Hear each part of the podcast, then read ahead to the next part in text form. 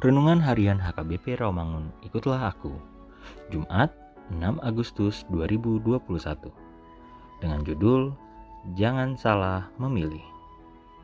Bacaan kita pagi ini diambil dari 2 Samuel 14 ayat 25 sampai 33.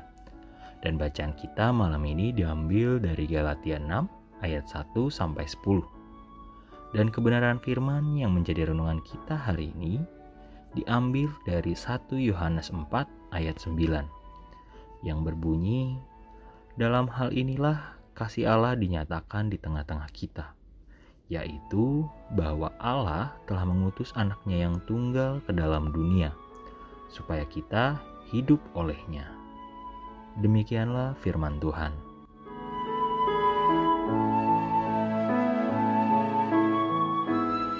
Koresh raja dari bangsa penyembah berhala yang tidak mengenal Allah Israel, dipakai Tuhan untuk menyelamatkan umatnya. Tuhan Allah berdaulat dan berkuasa untuk memakai siapa saja.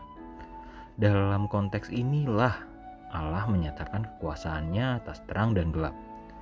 Ia dapat membuat kemujuran dan menciptakan kemalangan, dan malapetaka dan atas seluruh alam semesta ini Allah dapat menciptakan perdamaian atau mengizinkan kejahatan tergantung kelakuan yang dilihatnya.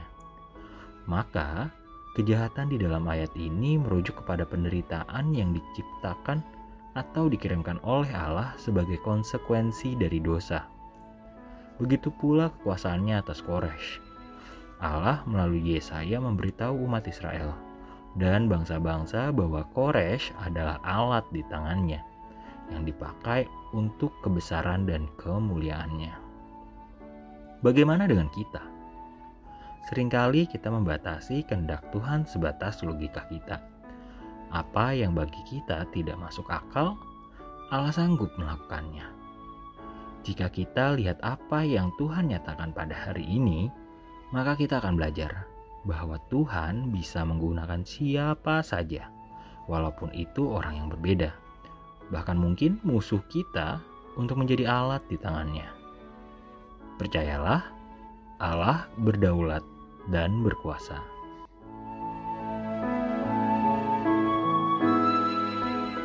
Marilah kita berdoa.